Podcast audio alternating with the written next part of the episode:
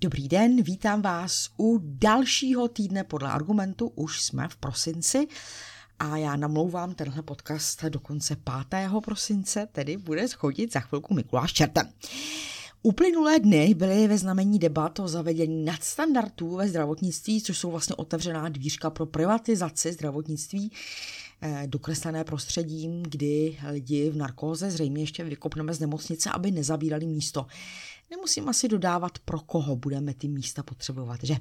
Eh, a taky ministra financí jen tak na okraji zmínil, že stát bude muset omezit rozsah služeb, které poskytuje Vidíte, vidíte, když jsem říkala, že pravicová vláda vždycky půjde po privatizaci veřejných e, služeb, to jsem si poslechla, jak straším a přeháním a že to není téma. A už to tady máme, samozřejmě s dalšími návrhy typu zvyšování odchodu do důchodu v nějakých 68 letech. Začneme nicméně jako vždycky s událostmi zahraničními. Některé věci jsou opravdu deja vu. Společná infrastrukturní iniciativa Evropské unie a USA, prezentovaná na Bali na G20, se nesetkala s větším zájmem rozvojových zemí. Čím pak to bude? Na samitu G20 na Bali se EU a Spojené státy spojily, aby se již po několikáté, potrhuji já, zavázali, že se nenechají předstihnout si tím pingovou iniciativou pásmo Osteska. Napsalo Politico. Eh, USA a EU se snažili upozornit na svůj plán v hodnotě 600 miliard dolarů dolarů, který má konkurovat Pekingu a jeho snaze uplatnění vlivu měkké síly prostřednictvím masivních výdajů na přístavy, silnice, železnice a energetické sítě v rozvíjejících se ekonomikách. Nicméně je to ohraná písnička, píše politiko. V rámci samitu eh, G20 sice byla představena, eh, byly nástroje pro globální infrastrukturu investice a předsedkyně Evropské komise Uršula tam byla, prohlásila, nabízíme hodnotově orientovaná, hodnotově orientovaná. Vysoce standardní a transparentní partnerství v oblasti infrastruktury pro země s nízkými a středními příjmy.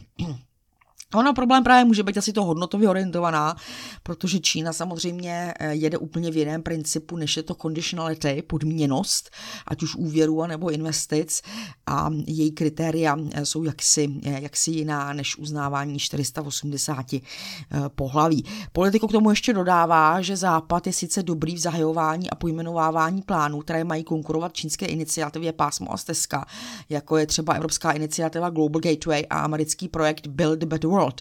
Otázkou nicméně zůstává, zda se někdy může vážně postavit Číně v praxi. No, Západ je samozřejmě velmi zdatný v bombardování zemí, které se nedostatečně eh, demokraticky rozvíjejí eh, a samozřejmě si musíme na rovinu říct, že ta jeho koloniální minulost je prostě batoh, břemeno, eh, který Čína nemá a nikdy neměla. Nemluvě o tom, že jako si říkám, proč budete hledat inspiraci v zemích, které svým občanům ani neumějí zajistit levnou energii. Proč byste si měli inspirovat u někoho, kdo si sám sobě vyvolává jednu krizi za druhou. Na to přímo navazovala zpráva týkající se afrického kontinentu. Zpráva Svazu německého průmyslu uvádí, že třeba zahájit nové vztahy mezi Německem a Afrikou, aby se diversifikovali dodavatelé surovin a snížila se závislost. Afrika pro Německo rychle nabývá na strategickém a hospodářském významu. Kontinent je pro německé podniky nutností z hlediska větší diversifikace a snížení závislosti, zejména na Číně. Suroviny jako je kobalt, litium nebo kovy eh, platinové skupiny mají zvláštní význam pro elektromobilitu a digitalizaci a jsou klíčové pro energetickou energetickou tranzici a pro přechod k ekonomice s nulovými čistými emisemi. Africké země disponují velkým množstvím těchto zdrojů a proto by se s nimi měla zintenzivnit spolupráce v oblasti surovinové politiky. V oblasti výroby ekologického vodíku, pro které jsou africké podmínky obzvlášť příznivé, by proto Německo jako technologický lídr v oblasti vodíkových hodnotových řetězců mělo být na kontinentu prvním uh, tahounem. Ve svém akčním plánu, publikovaném na portálu BDI, tedy Svazu německého průmyslu, požadují autoři intenzivnější spolupráci v oblasti dodávek surovin, kovu a zeleného vodíku a zavádění nových technologií ve všech odvětvích vodíku. No, ten problém samozřejmě je, že v Africe už dávno působí někdo jiný, že? No, Rusko bude řešit spoustu věcí, bude jistě se zaobírat tím, jak reagovat na embargo a zastupování ruského plynu, eh, pardon, zastupování ruské ropy, eh, zejména tedy benchmarku Ural. S tím souvisí i témata eh, systému platby a také směny. Alternativy plateb v dolarech v současnosti zahrnují nákupní koš měn i exotičtější možnosti plateb zlatem. Nepohodlné. Ropou či čínským ujanem. No, eh, ruské úřady se rozhodly oddělit zahraniční obchodní kontrakty se spřátelenými zeměmi od kurzu dolaru a pro stanovení kurzu národních měn používat alternativní ukazatele. Informoval o tom zdroj z finančního trhu a potvrdil to federální úředník. Informace přinesly ruské noviny RBK s tím, že alternativní postupy se zatím diskutují už měli mít dávno vymyšlený, ne? V současnosti se stále při mezinárodním účtování s národními měnami jejich kurz přepočítává přes dolar. Například při výpočtech páru rubl tenge se kurz kazašské měny vůči rublu řídí cenou dolaru.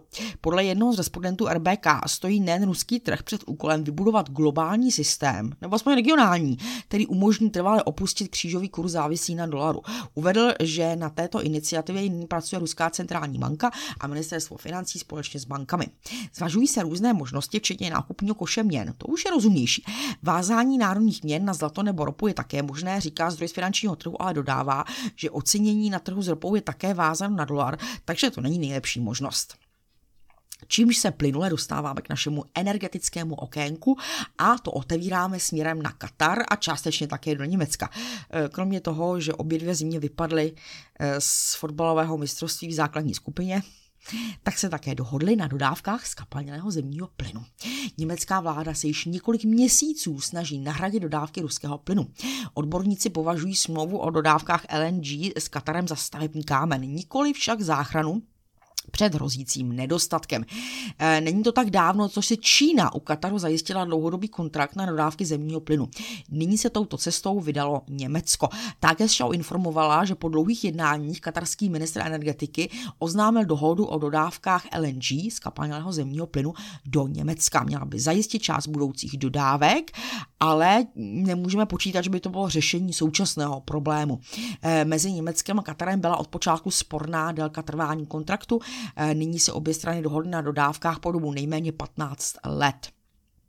Upřímně řečeno, to je docela krátká doba na dlouhodobý kontrakt, eh, takže je, je vidět, eh, že tady máme malý úspěch pro Německo, když samozřejmě rozumíme tomu, že 15 let je vnímáno běžně jako doba další, rozhodně to není spotový trh. Eh, co tady máme dál? Eh, vazalové EU si všimli něčeho, co vidí každý z nás, kdo má v hlavě ještě mozek a ne veřejnoprávní vákuum. A sice nespokojenost v EU vyvolaly zejména americké ekologické dotace na podporu amerických ekologických podniků, které ohrožují evropský průmysl. Orgány Evropské unie jsou znepokojeny kroky administrativy amerického prezidenta Joe Bidena, kterému je snad už 80, a obvinují Bílý dům, že profituje z ozbrojeného konfliktu na Ukrajině, jako by to tak nebylo od začátku. Zatímco země EU situací trpí. To je mi objev, uh, uvedlo Politico. Uh, Politico citoval jednoho z evropských vysokých úředníků, který se k věci vyjádřil anonymně. Když se na situaci podíváte střízlivě, tak zemí, která z konfliktu těží nejvíce, jsou Spojené státy, protože prodávají více plynu a za vyšší cenu a také proto, že prodávají více zbraní. Evropský šéf diplomat Josef Borrell byl o něco diplomatičtější a v rozhovoru pro Politico uvedl, že američané, naši přátelé, přijímají rozhodnutí, která na nás mají ekonomický dopad. Tak to ono většinou bývá, že různá rozhodnutí mají ekonomický dopad. To by to bylo taky řekl, že? A s radostí na závěr zahraniční sekce upozorňuje na významnou a přínosnou publikaci, na které se velmi významně podílela Veronika Sušová Salminen, taky Giuseppe Celli a Valentina Petrovič. Je to komparativní studie, která ukazuje, že Evropská unie je místem mocenských asymetrií a závislostí a že země jako Česko tahají za kratší čas provazu. Je to srovnávací studie, která se zaměřuje na dvě periferie v Evropské unii, to je možná klíčová informace, dvě periferie, na Jižní Evropu a středovýchodní východní a jihovýchodní Evropu, jich východ, celkem na 17 členských států EU. Eh, cílem studie je porozumět tomu, jak je periferialita zakořeněna ekonomicky a politicky v rámci EU, eh, jak se vztahuje k tomu jádru, zejména eh, k Německu a zahrnuje široký časový úsek 1990 až 2020. Vřele doporučuji. Eh, podívejte se na to a zároveň jsem si vytvořila pěkný přechod na události domácí, páč my jsme taky ta periferie, že? Domácí, domácí, jako obvykle skvělý Honza Keller ve své rubrice Keller bez cenzury. Tentokrát se podíval na to luštění signálů, víte, jak vláda vysílá signály, je potřeba je správně přijímat. abyste nebyli dezoláti. Takže Honza Keller napsal, eh, výroky ministrů Fialovy vlády často budí ve veřejnosti nemají rozruch a nejednou spouštějí až nepřiměřeně vzrušené reakce. Je to ovšem také určité nedorozumění. Jak víme z četných proslovů pana premiéra, funkcí jeho vlády je především vysílat signály. Podle Petra Fialy jsme ve válce, takže jsou pochopitelně používány signály zakodované, kterým není možno porozumět bez příslušného klíče. Eh, pokusíme se na několika příkladech ukázat, jak tento klíč funguje a jak je nutno vysílané signály signály přijímat. Před několika dny zbudil nemalý rozruch výrok náčelníka generálního štábu, který vyzval k přípravě války proti vyspělému protivníkovi. Reflektovali jsme to i minulý týden tady na argumentu. Někteří propadli panice, píše Honza Keller, už slyšeli hukot sirén a marně se poohlíželi po nejbližším protiatomovém krytu. Co chtěl vlastně generál říci, zjistíme teprve po dekódování. V podstatě oznáme, že v současnosti ani v dohledné době není naše země na válku proti vyspělému protivníkovi připravena. Museli bychom se obrovsky zadlužit abychom časem vytvořili alespoň zdání takové připravenosti. V mezidobí nám nezbývá než modlit se, aby nám hrozila jen konfrontace s vojensky nevyspělými, jejichž útoky i při současném stavu armády snad odrazíme. Je tedy zhola zbytečné šířit nějakou paniku. Zhruba ve stejné době prohlásil ministra vnitra Vít Rakušan, že Česko je schopno přijmout další desítky tisíc uprchlíků z Ukrajiny. Opět to vyvolalo nepochopení s poukazem na to, že přijímací kapacitě v naší země jsou v lepším případě na samotné hraně. Ministr vnitra ovšem neříká nic jiného. Tváří tvář očekávané vlně masové migrace upozorňuje, že Česko může být nyní nápomocno už jen zcela okrajově a naprosto nevýznamně. Naše přijímací kapacity jsou hluboko pod úrovní kterékoliv spolkové republiky Německa. Německa. Po dekódování Rakušanova výroku vidíme, že naše země už si další migranty dovolit prostě nemůže. No a pak tu máme pohled eh, na demonstraci na letné, která se konala v terénu velmi bahnitém a v počasí velmi nevlídném, ale i tak se tam sešly tisíce lidí a Arnelie se na to eh, podívala zhodnocuje i ty předchozí demonstrace a e, píše e, o tom, že když v říjnu svolali demonstraci odbory, tak kolem tématu míru se chodilo jako kolem holké kaše a dokonce v úvodu zaznělo, že některým tématům se protest věnovat nebude. Chyba, píše Arnelie, mír je totiž základem všeho dalšího, naprostým pilířem normálního života se všemi lidskými radostmi i starostmi. Na odborářské demonstraci je ale explicitně zmínil jen předseda Národní rady osob se zdravotním postižením Václav Krása, když ke konci svého projevu zval že válka je vůl. Na sobotní letenské pláni, kam přišly tisíce lidí, zaznělo plno odborných projevů k energetice, ekonomice, zemědělství či vodnímu hospodářství. Sklidili silný potlesk, protože zdražování a s ním spojená nedostupnost základních komodit se týká už dost široké skupiny lidí. Ti zprava i zleva, eh, kteří se jistě v lečím s možném neschodnou a kteří dřív na společné demonstrace nechodili. Nyní na náměstích stojí společně, za což je establishment a jeho příznivci označují jako lůzu, pro ruské šváby, dezinformátory nebo dezoláty. Přesto je to nezlomí, tvrdí Agnélie. Eh, vědí totiž zcela přesně, proč tam v jakémkoliv počasí chodí.